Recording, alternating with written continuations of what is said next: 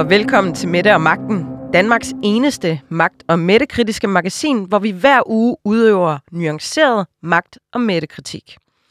I dag får vi besøg af overlæge og professor Niels Højby, for der er et eller andet galt i sundhedssystemet, som slet ikke er givet til denne her coronabølge, der vælter ind over os lige nu. Men hvem har ansvaret, og hvor er det lige, det er gået galt? Og så har vi en øh, varm linje til Finland. Det er nemlig professor i retshistorie Dilo Tam, der befinder sig deroppe på de kanter. Ham har vi med for at tale lidt om øh, ligheder og forskelle mellem Inger Støjbergs rigsret, rigsretssag og en eventuel rigsretssag mod statsminister Mette Frederiksen på baggrund af Mink-sagen. Velkommen til ugens udgave af Mette og Magten. Jeg hedder Anne Kirstine Kramon.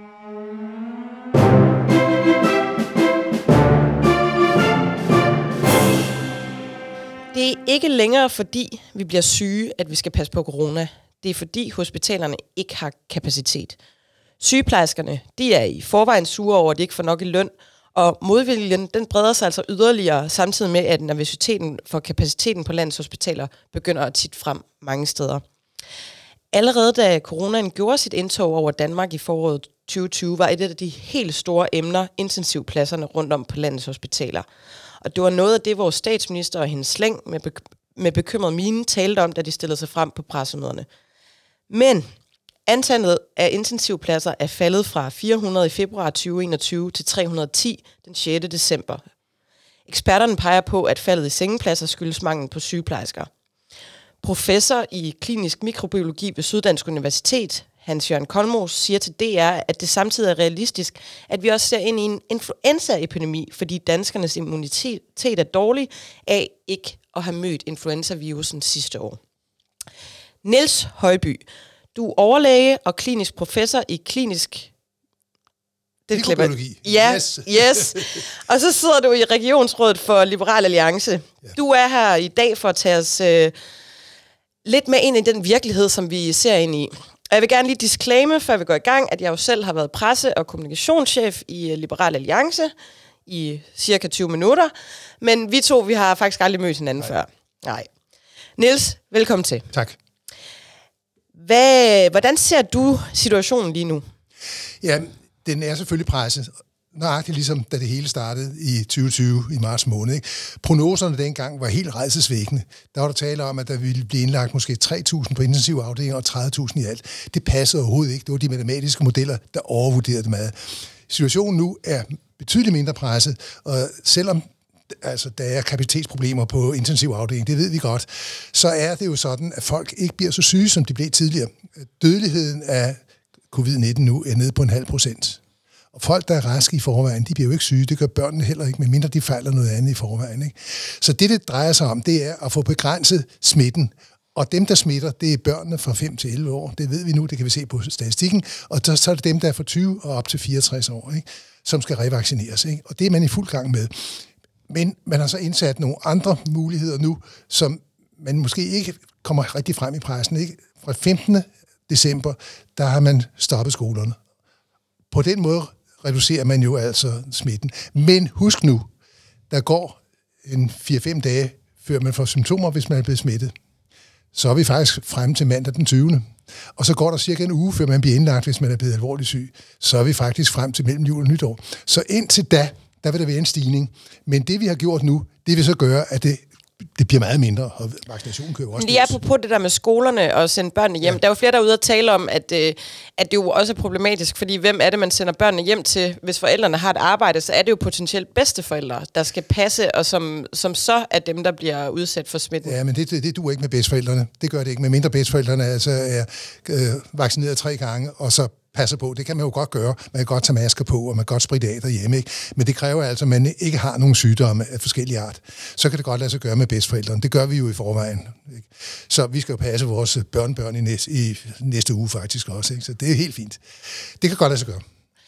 I forhold til det her med intensivpladserne, hvorfor, hvorfor er der sket et fald i antallet af intensivpladser? Burde man ikke netop opruste på intensivpladser, jo. når vi står og, i den her situation? Men vi har jo faktisk også intensivpladser, vi har bare ikke personale til. Det er først og fremmest sygeplejersker, der mangler. Og det er jo generelt, altså for et par uger siden, der var der 200 senge generelt i Region Hovedstaden, der var lukket ned, fordi vi mangler sygeplejersker. Nu er der faktisk flere. Ikke? Og vi slår, vi slår stillinger op, de, der er ingen ansøger til en række af dem, og mange af dem bliver ikke besat med nogen. Og det er jo fordi sygeplejerskerne jo altså har haft nogle arbejdsvilkår, som har været meget utilfredsstillende. Nu er der givet nogle penge til dem.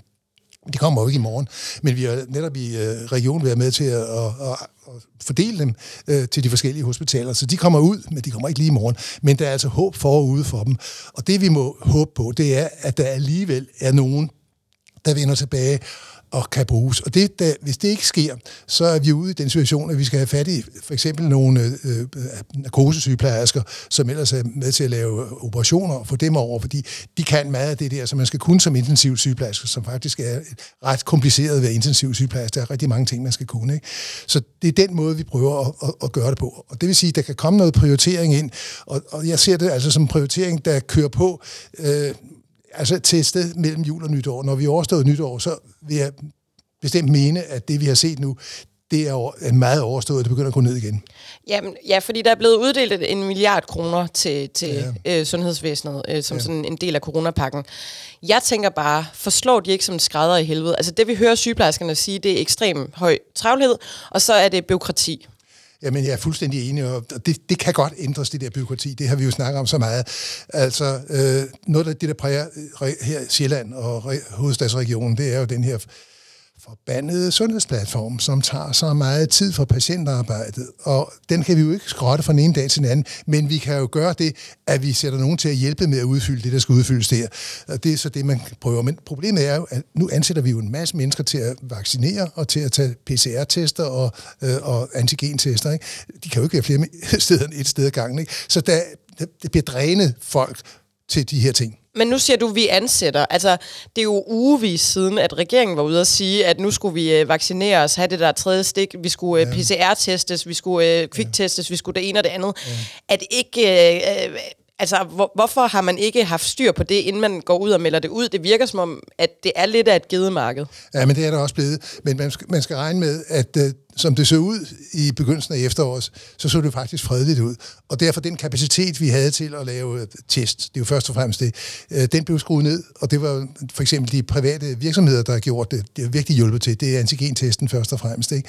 Altså, de måtte så ud igen, og så booste det op igen, og det er det, de har gjort, og nu er den boostet op igen. Vi laver jo næsten altså sted mellem øh, 400 og 500.000 prøver Altså det er, det er 7 procent af den danske befolkning, der bliver testet hver dag. Det, det, det er altså fantastisk, det kan lade sig gøre. Ikke? Men burde man ikke have, altså Jonathan Spang, han sagde for nylig i sit program Tæt på Sandheden på DR, at det virkede lidt som, øh, at øh, regeringen håndterede det her på samme måde, som DSB håndterer sne hver vinter. Som om det kommer lidt bag på dem.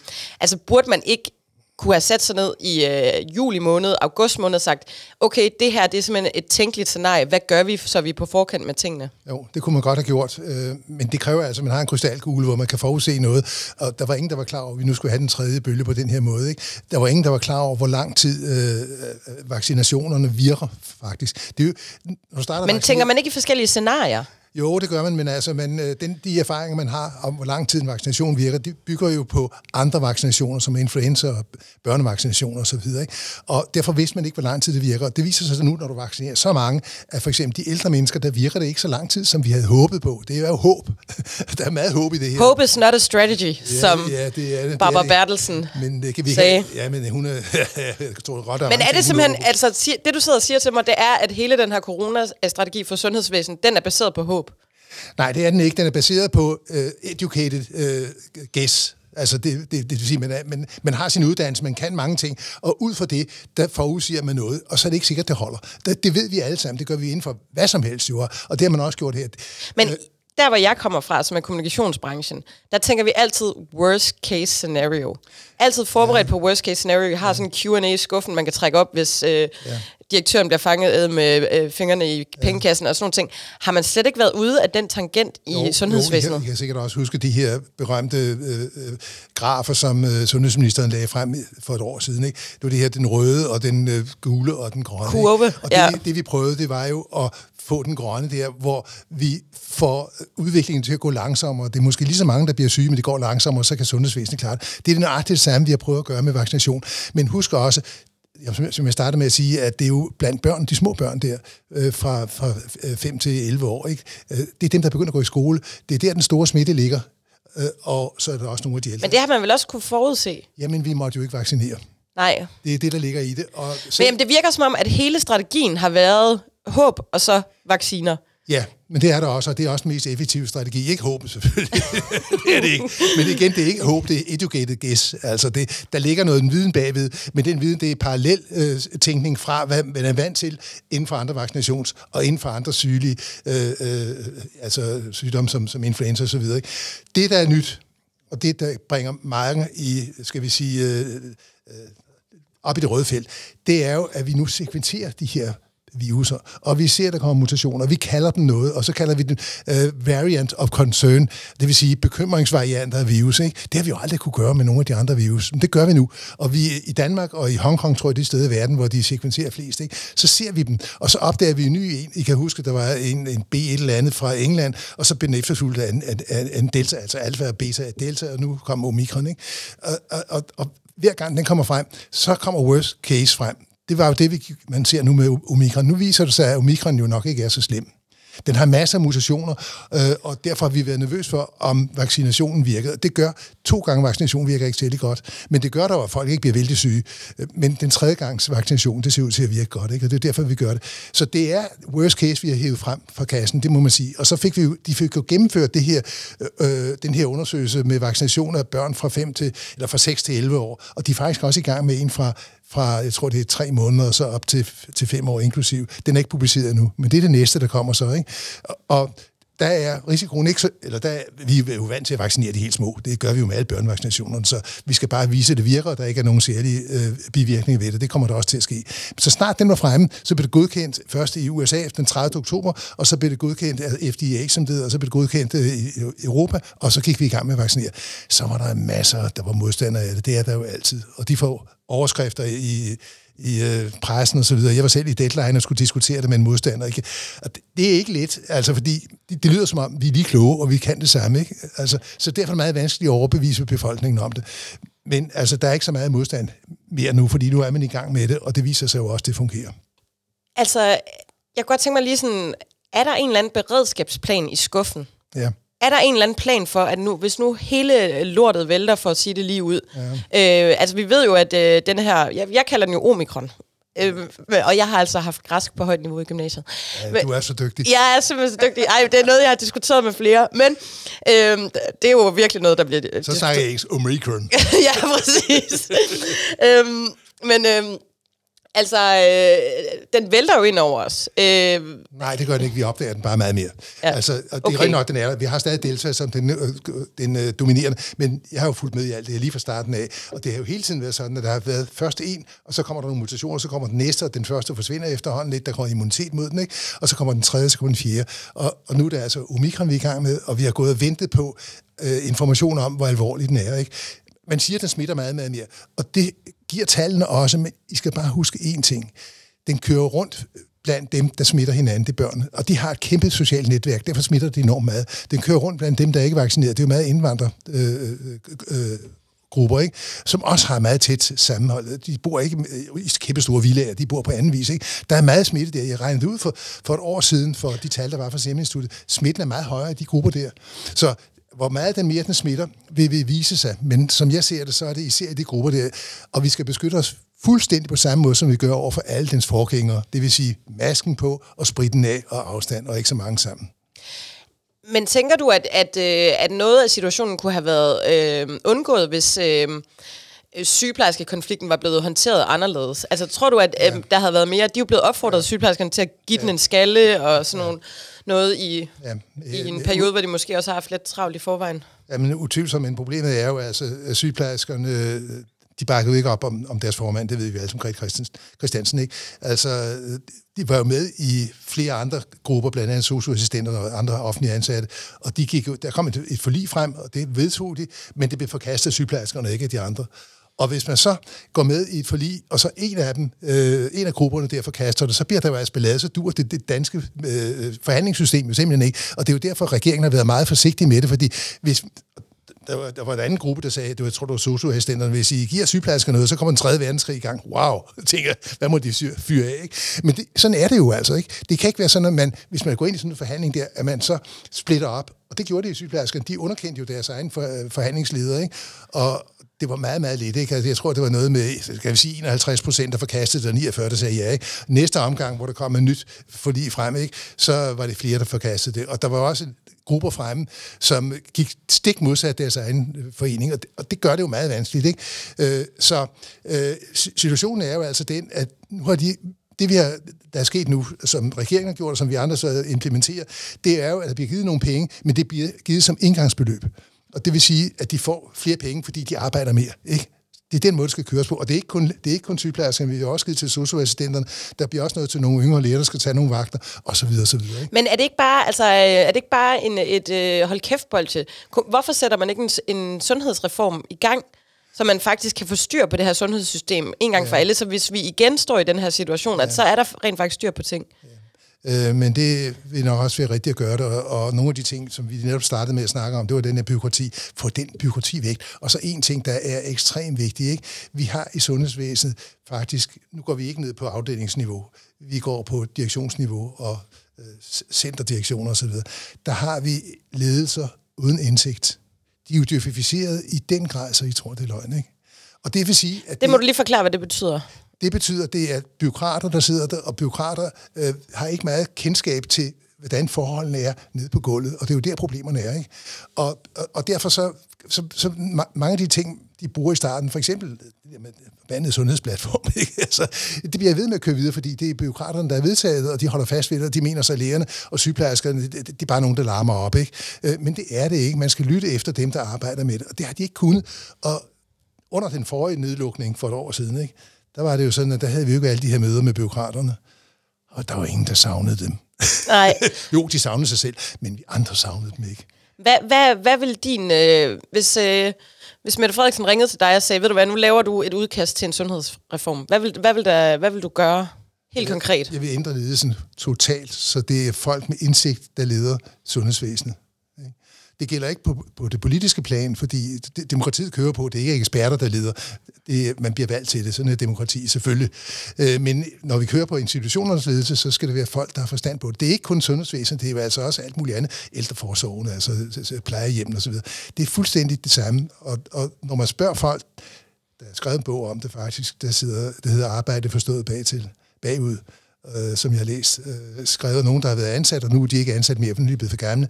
Og så tør de godt åbne munden, for det har man jo heller ikke turde, vel? Mm. Og da, det, igen det her, det er en ledelse, som leder opad. Når som leder skal du lede nedad, du skal lede, hvis du nu er militær, du skal lede dine soldater, så de ikke bliver skudt, ikke? Altså, gå i dækning og så videre, gå hen og angribe og så videre. Det, det kan du ikke gøre bag skrivebord. Altså, du skal stole på dem, der har med det at gøre, og uddelegere det til dem. Du har ansvaret som den store leder, men du skal uddelegere det til dem, der har forstand på det, og stole på dem. Ikke? Og det har været meget svært. Ikke? Og blandt andet altså sundhedsplatformen har været en helt stor katastrofe. Altså, overlægernes øh, produktivitet er faldet med 17 procent. Det vil sige, at der skal 1170 overlæger til at lave samme arbejde, som 1000 gjorde før. Ikke? Altså, hvor er vi henne? Og samme med sygeplejerskerne. Ikke? Og det er det der, vi ikke kan lide. Vi, vi er uddannet og valgt vores vores øh, fag, fordi vi elsker det. Ikke? Altså, det er jo derfor, vi går ind og bliver læger. Det er for at gøre noget for patienterne. Det er sgu ikke for at sidde for en skærm og, og, og taste ind og taste ind og taste ind. Vel? Du kan vel mærke, øh, tænker jeg, gennem et langt liv som læge, mm. at, at tingene er sådan eskaleret eller taget ja, til det. det kan du tro. Altså, ja. altså for søren, da, altså, jeg har været, nu er jeg ikke leder af min afdeling mere, det holdt jeg op med for nogle år siden, men jeg har været leder af den i 32 år, jeg har været til udviklingen, og jeg har set, hvordan byråkratiet har steget og steget og steget. Altså tidligere havde jeg ikke meget med direktionerne at gøre. Vi fik noget besked, og vi havde et møde en eller to gange om året. Det var alt. Men altså, da jeg holdt op med, da jeg ikke gad mere simpelthen ikke, jamen så havde vi jo en månedlig møder, hvor de øh, kiggede på og sagde, nu er det over, nu, nu, der, er, der, der er lavet for meget der, det koster for mange penge, og så kiggede vi på, at det var en fejl. næste, næste måned, så havde de sgu ikke forrettet den der fejl. Altså sådan var det, og det forstår jeg godt. Man bliver jo dødssyg i hovedet af at kigge på en skærm hele tiden. Ikke? Ja, det gør man. Ja.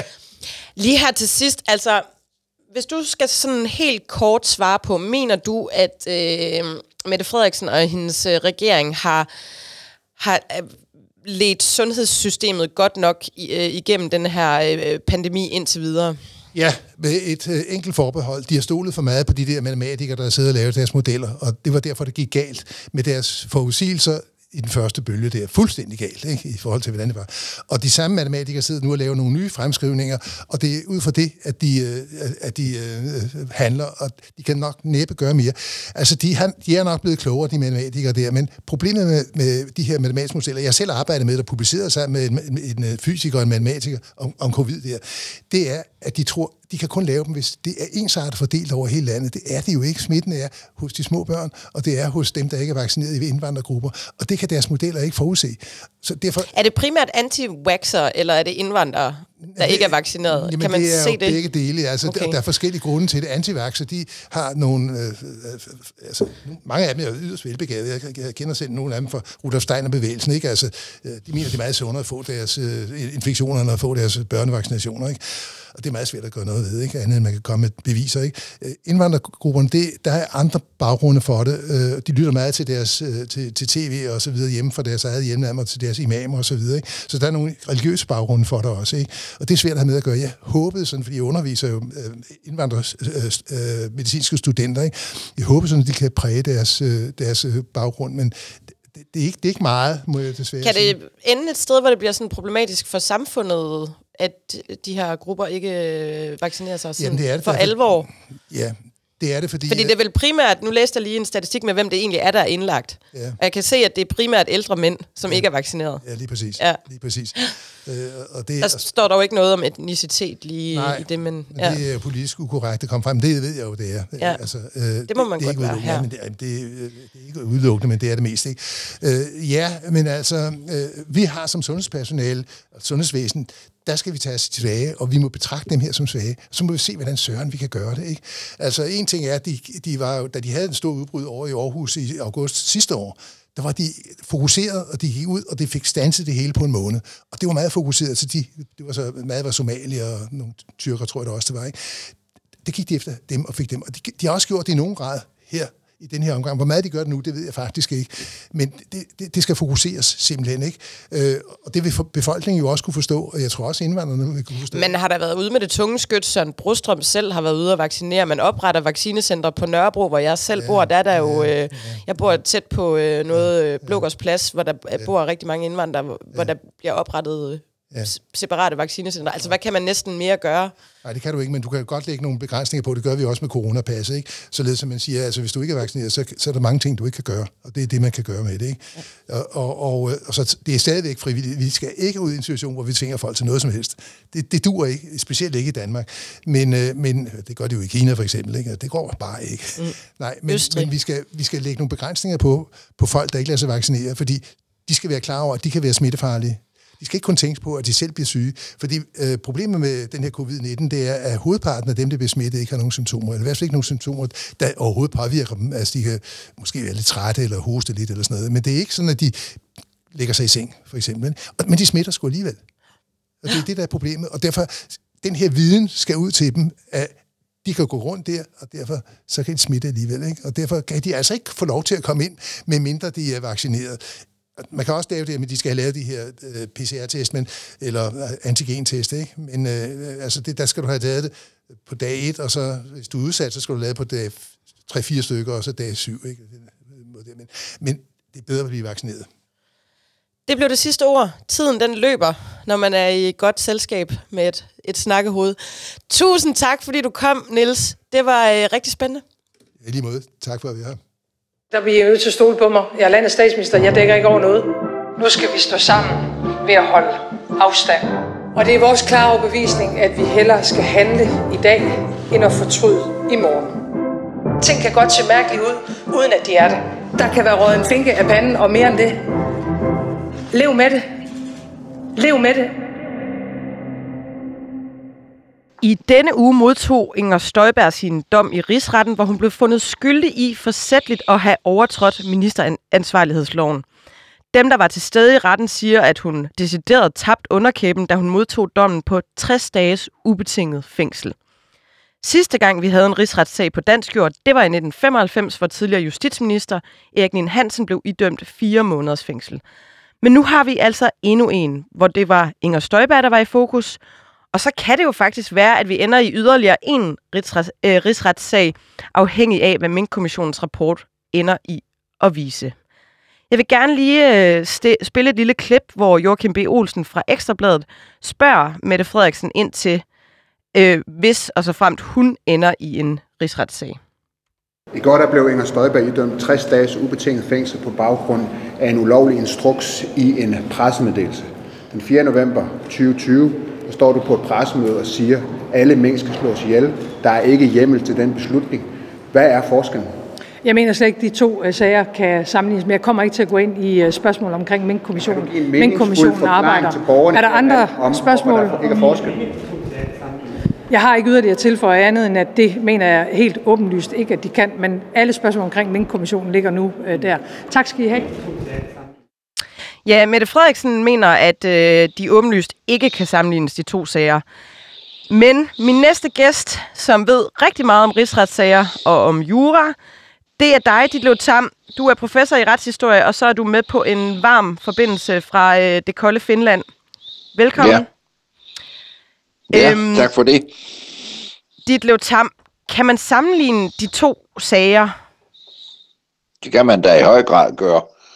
Altså dels handler de begge to om minister, og de handler om øh, ministeransvar, og de handler altså netop om altså spørgsmålet om udøvelsen af en, øh, af en offentlig myndighed, og de handler også begge to om noget helt grundlæggende, nemlig altså om de pågældende ministre har haft et lovligt grundlag for at handle på den måde, som de har gjort i, i øvrigt to meget forskellige sager og meget forskellige situationer. Men øh, vi kan sige, som jurist er man jo på en måde øh, vant til, og det, det jura går jo ud på ligesom at finde det, der er kernen i det her. Og det er jo strengt taget det samme, så derfor er det jo helt rimeligt, at der, at man er, at der ringer, om jeg så må sige, rigsretsklokker i begge sager. Og den ene er de altså ringet ud, og nu må vi se, om der er nogen nye, der ringer ind. Altså, når du siger, ja, at de er sammenlignelige, er det også fordi, at øh, det, der var, øh, øh, hvad skal man sige, øh, hovedessensen i Inger Støjbergs sag, det var en pressemeddelelse med en ulovlig instruks, og vi hos Mette Frederiksen har et pressemøde med en ulovlig, potentielt Nej, ulovlig det er, ikke, instruks. Det, det er ikke så meget det med pressen, det er jo mere det, altså det helt grundlæggende om... Øh, om regeringen eller en minister har handlet på et lovligt grundlag. Altså vi har et helt grundlæggende princip i i dansk forvaltning, der hedder lovmæssig forvaltning, og det betyder, og det er jo det, der sikrer os mod overgreb, det betyder jo altså, at en forvaltningsmyndighed, lige meget på hvilket niveau den er, ikke må rykke ud og foretage nogen indgreb i forhold til borgerne, uden at der er en hjemmel i en lov til at gøre det. Og for Inger Støjbergs vedkommende, så var jo spørgsmålet altså om den pressemeddelelse, altså ordet lov, kan vi jo lige sige, er jo et vidt begreb. Altså det er jo ikke bare love vedtaget af Folketinget, det handler altså om, hvad der er lov og ret, ikke? Altså hun og noget rigsretten fremtid havde så overtrådt loven ved at give en, øh, øh, ved at give en befaling til at skille i det tilfælde altså skille nogle asylsøgende par, hvor den ene var mindreårig, uden at der var lovhjemmel til det. Og i den anden sag, der handler det om, at man har lov til at slå nogle mink ihjel, uden at der er lovhjemmel til det. Og det der jo så er, det kan vi sige, det grundlæggende igen, altså, og som jo også er det sammenlignet, det handler jo så om, hvad vidste de pågældende, i det her tilfælde ministre, altså da de handlede. Og der bruger juraen jo sådan nogle begreber, der er noget, der hedder forsæt, som er, betyder, at man ved, hvad det er, man gør, og der er noget, der hedder uaksomhed, som grundlæggende handler om, at man burde vide noget. Og det er selvfølgelig vigtige faktorer i det her. Og når Inger Støjberg har fået en så streng straf, så er det fordi rigsretten altså mener, at hun da meget forsætteligt overtrådte nogle regler. Og det, der er spørgsmålet i den anden sag, det er jo så i virkeligheden, hvad vidste egentlig regeringen, og for statsministerens vedkommende, var hun klar over, da hun sagde, at nu kan vi gå i gang med at slå de her mink ihjel, at der faktisk savnedes en jordhjem eller ej. Det er det helt afgørende punkt i den sag, når det gælder spørgsmålet om ansvar. Så man går slet ikke ind og vurderer på, altså i øh, forhold til Inger Støjberg, så var det været 24 eller 27 par, der er blevet adskilt, og i forhold til Mette Frederiksen, så er det 17 millioner mink. Altså går man ind ja. og øh, øh, vurderer også på, hvor mange det er gået ud over? Altså det vil jeg jo sige, man skulle gøre. Nu, nu hører jeg til dem, øh, må jeg sige, der har den opfattelse, at jeg synes, det er en, en ret hård dom over Inger Støjberg, og kan godt være i tvivl om der er egentlig proportionalitet, at man bruger fængselsstraf i et sådan tilfælde, hvor det efter mine begreber trods alt er en relativt begrænset personkreds og en meget begrænset Hvad havde du forventet, hun ville øh, få? Havde, måske, ja, altså, jeg havde forventet, at man havde nået frem til det ulovligt, fordi det er der for mig ingen tvivl om. Jeg tror nok jeg selv, men altså, jeg er nødt til at sætte et forbehold og sige, at jeg har jo ikke siddet og hørt sagen og set folks øh, måder at forklare på, hvordan det er, fordi vi efter mine begreber, hvad jeg også synes var forkert, blev udelukket fra at se det på, at se det på en, øh, på en skærm, som man burde have, burde have gjort. Men jeg ville have, have tippet til nogle bøder, eller måske en, en mindre betinget dom, fordi jeg ikke umiddelbart kan se, at det er en strengere sag, end den, man havde for 25 år siden, da Erik Nien Hansen blev dømt. Han blev idømt en, øh, en betinget dom, og der var der tale om jo et meget stort antal asylansøgere, som øh, ikke kunne få familiesammenføring. Så for, i min optik ville en sammenligning have ført til, til højst en, øh, en betinget dom, men det er altså nu Hvorfor tror du, man har været inde og vurdere på det? Altså, bare, det, det er helt fint, hvis det bare er gætværk. Øh, der er jo ingen af os, der har siddet med øh, derinde, men, men, men øh, hvor, hvorfor tror du, at den bliver ubetinget, hendes dom? Jamen, det vil jo... Øh, man har jo ville fastslå, og det, det kan, jo, kan, man sige, kan man jo kun støtte, man har altså ville fastslå, at det er meget, meget vigtigt for det danske systems funktionsdygtighed øh, og for vores vurdering, at ministre overholder loven. Jeg kan jo ikke læse det på anden måde end et udtryk for en, øh, en meget streng retfærdighedsfølelse og en meget streng vurdering over for en minister, som man i det her tilfælde altså mener på en, øh, en ret bestandt måde har fået sit embedsværk til at udføre nogle, nogle handlinger, som de ikke måtte. Tror du, vi kan forvente, at Mette Frederiksen også kan ende op i fængsel? Og kan de sidde det, ved siden af hinanden? Jo, i det, celler? Det vil jo afhæ... det vil jo afhænge af, om man når frem til, at hun har... En, altså, det er jo en væsentlig moment i det, jeg er ikke i tvivl om. Det der med det forsætlige. Altså, det er ikke bare uaksomt, og det var forsætligt, og man kan sige for Inger Støjberg, at hun blev ved, og hun blev ved, og ikke på noget tidspunkt erkendte, at der kunne være noget tvivl her. Det, øh, de, nu ved jeg ikke, om man kan sige det på den måde, men uh, personlighedsmæssigt synes jeg måske, at Inger Støjberg og Mette Frederiksen kan, kan ligne hinanden ved begge to og være meget stærke personligheder, der ikke har som deres allerstærkeste side at indrømme svagheder eller, eller fejl. Og, det kan jo være egenskaber, som jeg i hvert fald, hvis jeg stod i Mink-sagen i dag, lige ville overveje med mig selv også, for at, at få den uh, ind i, uh, i smult vande. Var det et, uh, et, et personlighedstræk, som Erik Hansen også delte? Ja, Helt åbenbart. Så også, stærke også en... personer, der, øh, der ikke vil indrømme fejl, de har øh, større chance for at ende i en rigsretssag, kan vi konkludere. De har, jeg vil mene, at de, er, de kan være målgruppen for, for, for strenge rigsretsdomme. Ja, ja. ja. Øhm, Altså, der er jo også en lille smule snak om, er det, er det Mogens Jensen, der potentielt skal ende i en rigsretssag? Er det, er det overhovedet Mette Frederiksen, der står med det her ansvar? Altså, vi sidder jo og følger de her afhøringer. Der er det her K-udvalgsmøde, øh, hvor... Øh, øh, det er meget uklart, hvordan og hvem, der ligesom træffer den her beslutning om at slå mængdene ned. Øh, din juraprofessor og kollega Eva Schmidt, hun siger i Berlingske, at, øh, at det faktisk er noget sludder, at øh, K-udvalget slet ikke retsligt træffer nogle beslutninger. Hvor stiller du dig på det? hvis du stiller altså, dig nogle steder? Altså, det som jo er øh, omdrejningspunktet juridisk set, det er jo, hvem vidste hvad, hvornår, i forhold til det tidspunkt, nogle beslutninger bliver sat i værk. Og øh, der er jeg sådan set enig med Eva Schmidt i, altså at hvis det i K-udvalg, altså i denne udvalg, ligger klart, at der ikke er en hjemmel, og, og man så alligevel går videre, så er det der, et, et, så er det der med i, i at tegne billedet af, at man forsætteligt går videre. Jeg vil lige vil sige, at det er ikke engang afgørende, hvad der er besluttet i K-udvalget. Det er simpelthen, hvornår, hvornår altså hvis vi, tager, hvis vi tager statsministerens ansvar, så er det helt afgørende, hvornår vidste statsministeren, hvis hun vidste, at det her, det måtte man ikke. Og hvis hun vidste, øh, inden beslutningen blev, øh, inden beslutningen blev truffet, så er beslutningen jo ulovlig. Det er den også ellers. Fordi ulovlig er den jo, når man ikke har hjemmel, men øh, det handler jo om, altså det, det, det er jo strafferet det her, med så må siger, Så handler det om den personlige viden på et givet tidspunkt.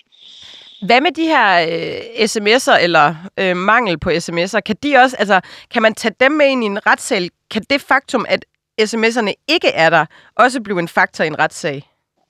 Forstår du? Det er svært, at, det er svært at bedømme noget. Det, det kommer jo så an på, om man kan, om man vil kunne nå frem til, at grunden til, at disse sms'er er slettet, er et øh, forsøg på at skjule nogle spor det vil man jo kunne inddrage og, og, og, og, og tage med som en, uh, om som siger, en faktor, der er med til at, at bestyrke en mistanke om, at der nok vistes besked. Men det er ganske svært. Altså, det, er jo meget, det er jo sådan konkrete bevisvurderinger, der, der næsten kræver, at man som hører det, før man kan sige helt nøjagtigt, hvordan det er med det. Det er meget spændende, men tror du, Øhm, altså i forhold til det her med Mogens Jensen, vil man indlede en rigsretssag mod Mette Frederiksen, eller vil man simpelthen også kunne øh, lave den mod Mogens Jensen? Og hvad sker der så med Mette Frederiksen? Og det er jo ikke så... Altså, jeg vil tro, at interessen for at, at få en rigsretssag mod Mogens Jensen er mindre interessant. Altså, der, det, det, der jo egentlig er, øh, hvis jeg må sige, altså, det, der jo egentlig er det grundlæggende interessante i de her sager, det er jo i virkeligheden forholdet mellem ministerne og deres embedsmænd. Og mit udgangspunkt vil jo være det at sige, så man kan jo ikke forvente, at en minister er helt inde i alle mulige spørgsmål om, hvordan lov det er med lovgivning. Men altså, kan man ikke forvente, at det er et oplagt spørgsmål, man stiller, når man jo, siger... Jo, det, det, ja. det vil være min næste, jeg siger. Det er oh, nemlig, sorry, jeg tager ordene ud udstikker nogle politiske ja. retningslinjer, og så må man jo kunne regne med, øh, og der er det jo så lidt forskelligt, synes jeg måske. Men altså, når vi er oppe på Mette Frederiksens niveau, og man sidder med departementcheferne i, i nogle store ministerier, så må man jo kunne forvente, at de pågældende kan komme med nogle relevante udput, øh, input og sige, hør, vi skal lige have det og det og det på plads. Og det er jo en vigtig faktor i bedømmelsen af, om man rent faktisk har, har villet overtræde noget eller ej. Og det gælder jo virkelig både Mogens Jensen, og det gælder øh, Mette Frederiksen, at de jo sådan set kunne, synes jeg, altså, jeg synes, der er meget kritik, det gælder også i Støjberg-sagen. Altså, jeg synes, der må samle sig meget en overvejelse i det danske samfund, nok så meget som om politikerne i virkeligheden om, hvad det er for nogle embedsmænd, vi har, som sidder i meget høje positioner, og som til synligheden ikke tør komme med de relevante, eller ikke kan komme med de helt relevante input, som politikerne har brug for. Det bør jo efter min greb også indgå i hele vurderingen af, hvordan man skal placere et ansvar, om, om man skal, hvem det er, man skal, hvem det er, man skal rejse, rejse sag imod. Ja, fordi hvad skal altså fuldstændig almindelige danskere, der ikke er inde i alt det her cirkus, øh, også øh, mig selv, fordi det er ekstremt kompliceret at finde hoved og hale i, og hvem ja. gør hvad og siger hvad. Og øh, altså, øh, jeg, jeg tænker, at, øh, at, øh, at der jo grund til kritik sandsynligvis hele vejen øh, rundt. Men hvad, hvad skal man sådan, øh, som almindelig dansker tænke over, når man følger de her sager? Sådan, altså, hvad er det, man skal Men, mærke i? Jeg synes, man skal undre sig ret meget over den måde, hvorpå øh, om man så må sige, kommunikationen foregår i de allerøverste regeringscirkler. Jeg synes personligt, det er dybt betænkeligt at høre den her form, hvor man altså sidder og sender grove sms'er og korte rundt til hinanden, taler med fornavn til hinanden. Jeg synes jo helt, og til synes, ikke helt kan finde ud af... Skal man kalde hinanden herre og fru? Mener du det? Jeg synes, man skulle kalde hinanden for ministeren og departementchefen, så kunne vi ligesom finde ud af det. Altså det her med Løkke og Hans og Peter og Ole, der render rundt, og, og, og Inger og Mette, det, er jo, det, er jo, det skaber jo, efter min skaber en, en sådan en underlig kammeratlig atmosfære, der jo slet ikke er der. Men det, det med jo, Mette det kan man jo sige, hun selv har i sat så meget som. Hun har jo for eksempel en Instagram-profil, der bare hedder Mette, øh, ja. Mette Frederiksen. Altså hun vil jo Men, gerne øh, være hele vores... Hun vil gerne være tæt på folket, og det kommer man jo ved at kalde sig selv med fornavn. Jeg hører ikke til dem, der ligger under for ministerernes propaganda-fif i forhold til det, som er deres egentlige opgave, og, og jeg synes, det ville være, ret heldigt, hvis man, øh, og jeg tror, det ville undgå nogle af disse situationer, hvis man i den øh, øverste del af regeringshierarkiet fastholdt, hvilke roller man egentlig har, tiltale hinanden på en høflig måde, og, og på den måde altså gav den respekt og den afstand og den mulighed til også at reflektere over, hvad ens egne pligter er i en given situation. For eksempel, at det må være departementchefen i Justitsministeriet, de enkelte ministerier, at det må være Rigspolitichefens opgave at overveje, om, han kan sætte, om de kan sætte noget i gang, så frem man ikke har en lovhjemmel. Jeg synes, det, jeg, jeg, jeg lige vil sige, ja, det er faktisk temmelig rystet over, over, det, der er, over det, der kommer frem i, uh, i måden, hvorpå der bliver truffet beslutninger, panikbeslutninger, og, og, og til synligheden en manglende evne altså, til at holde ud fra hinanden, hvad det er, man skal. En af fejlene, tror jeg også er, eller jeg kan jo ikke kalde det en fejl, det er jo som man nu vil, men øh, det er måske lidt et problem for statsministeren, at hun har valgt en meget dygtig sparringspartner som departementchef, altså Barbara Bertelsen, fordi de to, som jeg kan ligner, ligner hinanden lidt for meget. Jeg de mener har øh, den gerne... Nin Hans, øh, Hansenske personlighed, er det det, du siger? Ja, altså de er begge to meget kraftige, og de støtter hinanden. Jeg mener altid gerne her om Christian den 4. Han var jo en drikkebror, han var vældig dygtig og kreativ, men han valgte altid som sin sparringspartner en, der ikke sad med ved drikkebordet, en, der var langsom og omhyggelig og havde en god uddannelse. Altså, at man vælger, det er ikke tit en god idé, når man er, når man er stærk, at vælge en, der stiller en de rigtige spørgsmål, og ikke vælge en, der støtter en i den meget kraftige måde. Og de indgreber er begge de to, altså rigsretssager, som vi, vi, vi står med her, de er, er et udtryk for, at man måske lige er lidt for hurtig og lidt for stærk, eller tror man er det, og ikke for, for ikke fortalt det igennem med en, der kan komme med indvendingerne og betænkelighederne, inden man går i gang. Men det er jo meget interessant, det du siger her, at det faktisk ikke er en øh, kritik af, hvad skal man sige, embedsværket og systemet, vi kan rette, men det er faktisk de enkelte enkelt personerne i, i øh, systemet og embedsværket og deres øh, personligheder. Altså, vi, der er jo også alle de her øh, ikke så flatterende sms'er, der kommer frem. Ja.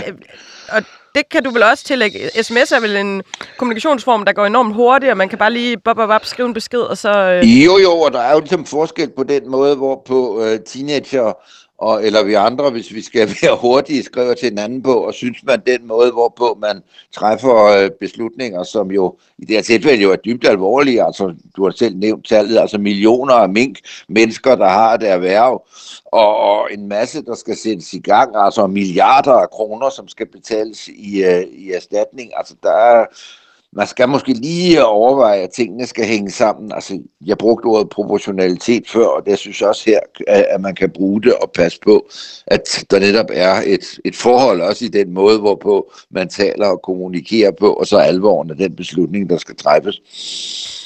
Så det, det er meget interessant. Så vi kunne næsten sende dig ind som en slags øh, HR-konsulent ind i øh, statsministeriet, og så kan du lige øh, øh læse og påskrive, hvordan øh, og hvorledes man både tiltaler hinanden og kommunikerer med hinanden. Øhm, nu har jeg jo sagt det, så kan man Nej, så kan du ikke trække det tilbage. jeg siger, at jeg, skal, jeg, står det helt, jeg står helt ved.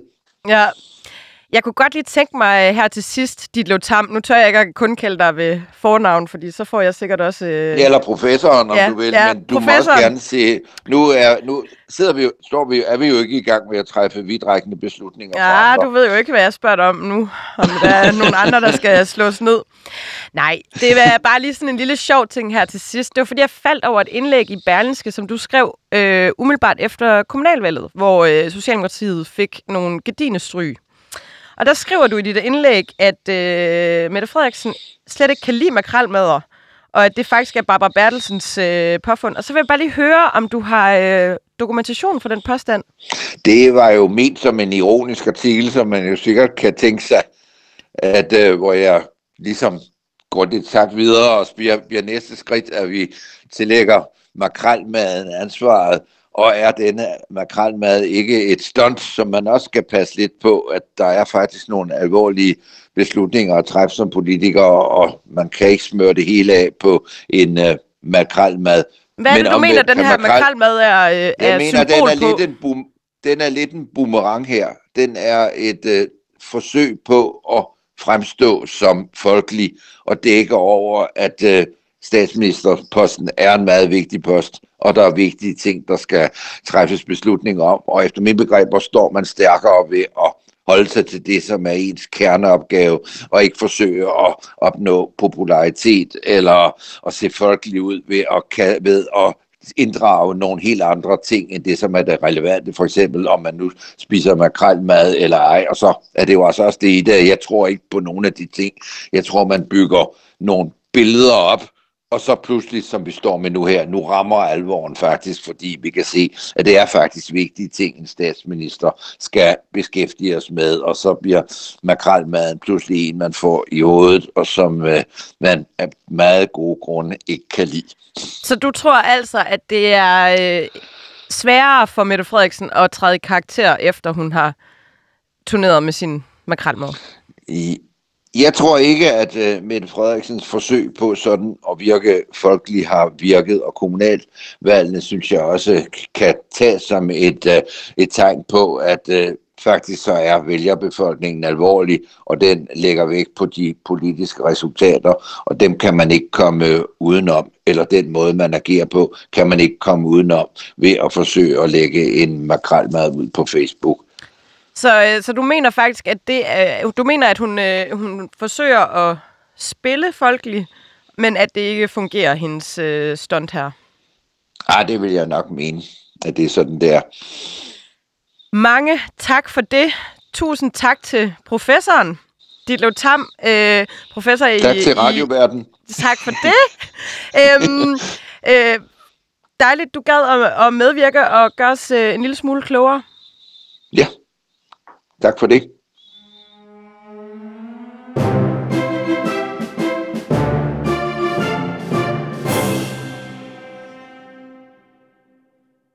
Og så skal vi jo som sædvanligt til ugens Krav, der jo uddeles til en socialdemokratisk politiker, der har udvist særlig uselvstændig og tilsvarende partilojal adfærd i løbet af ugen.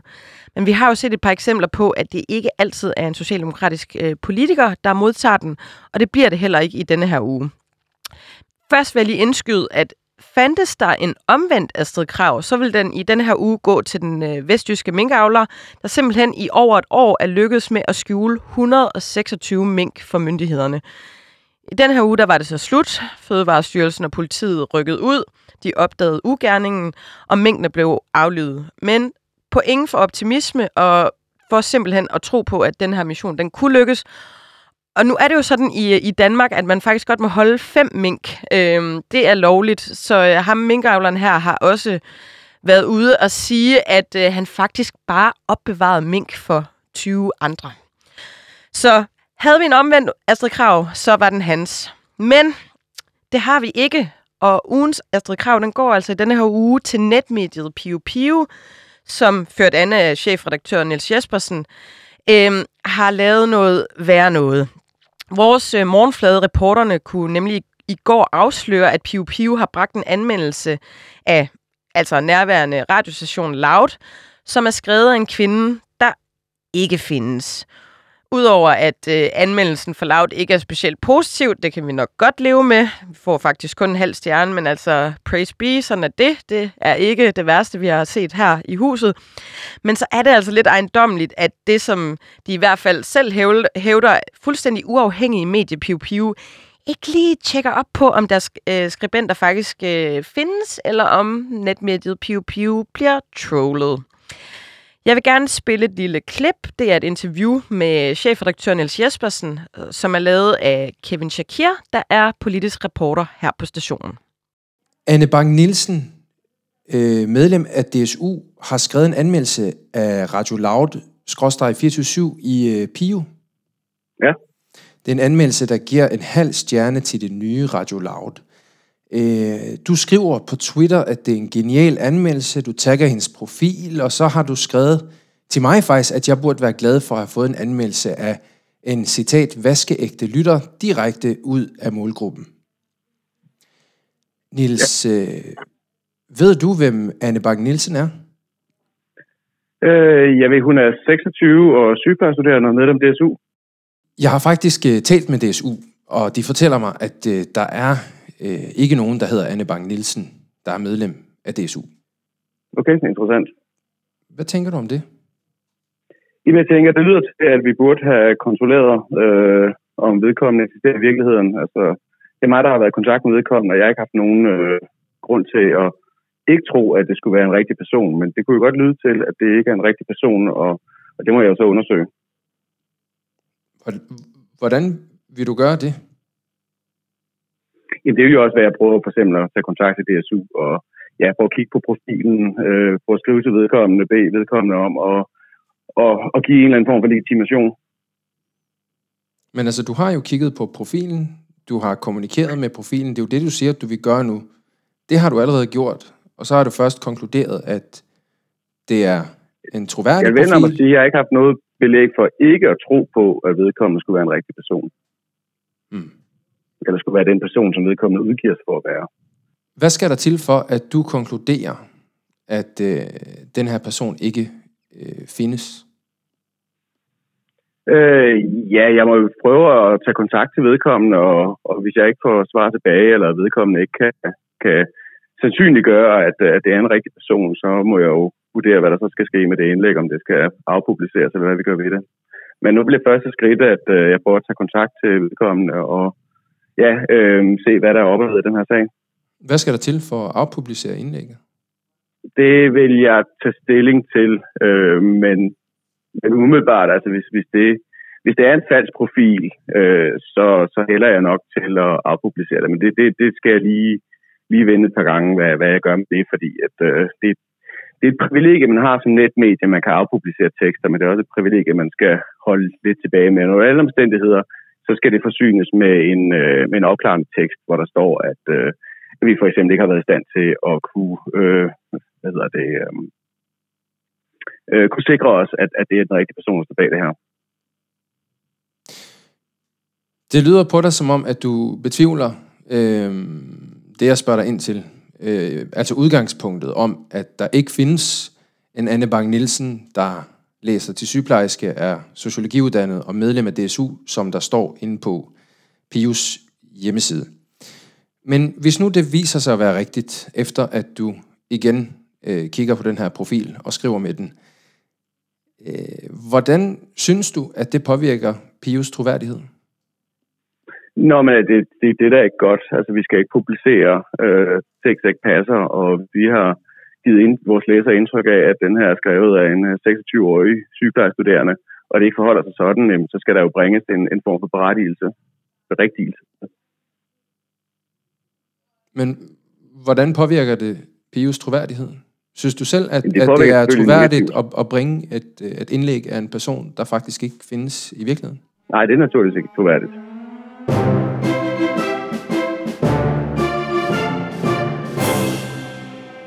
Au, au, au.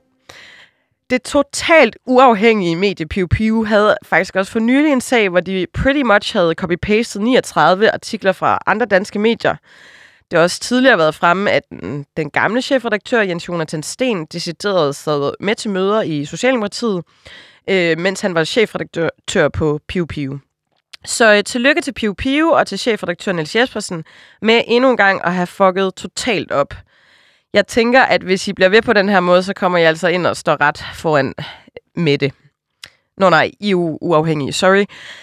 Tusind tak, fordi du lyttede til Mette og Magten. Ude i teknikken, der sad Jonas Forlager, og jeg hedder Anne Kirstine Kramon.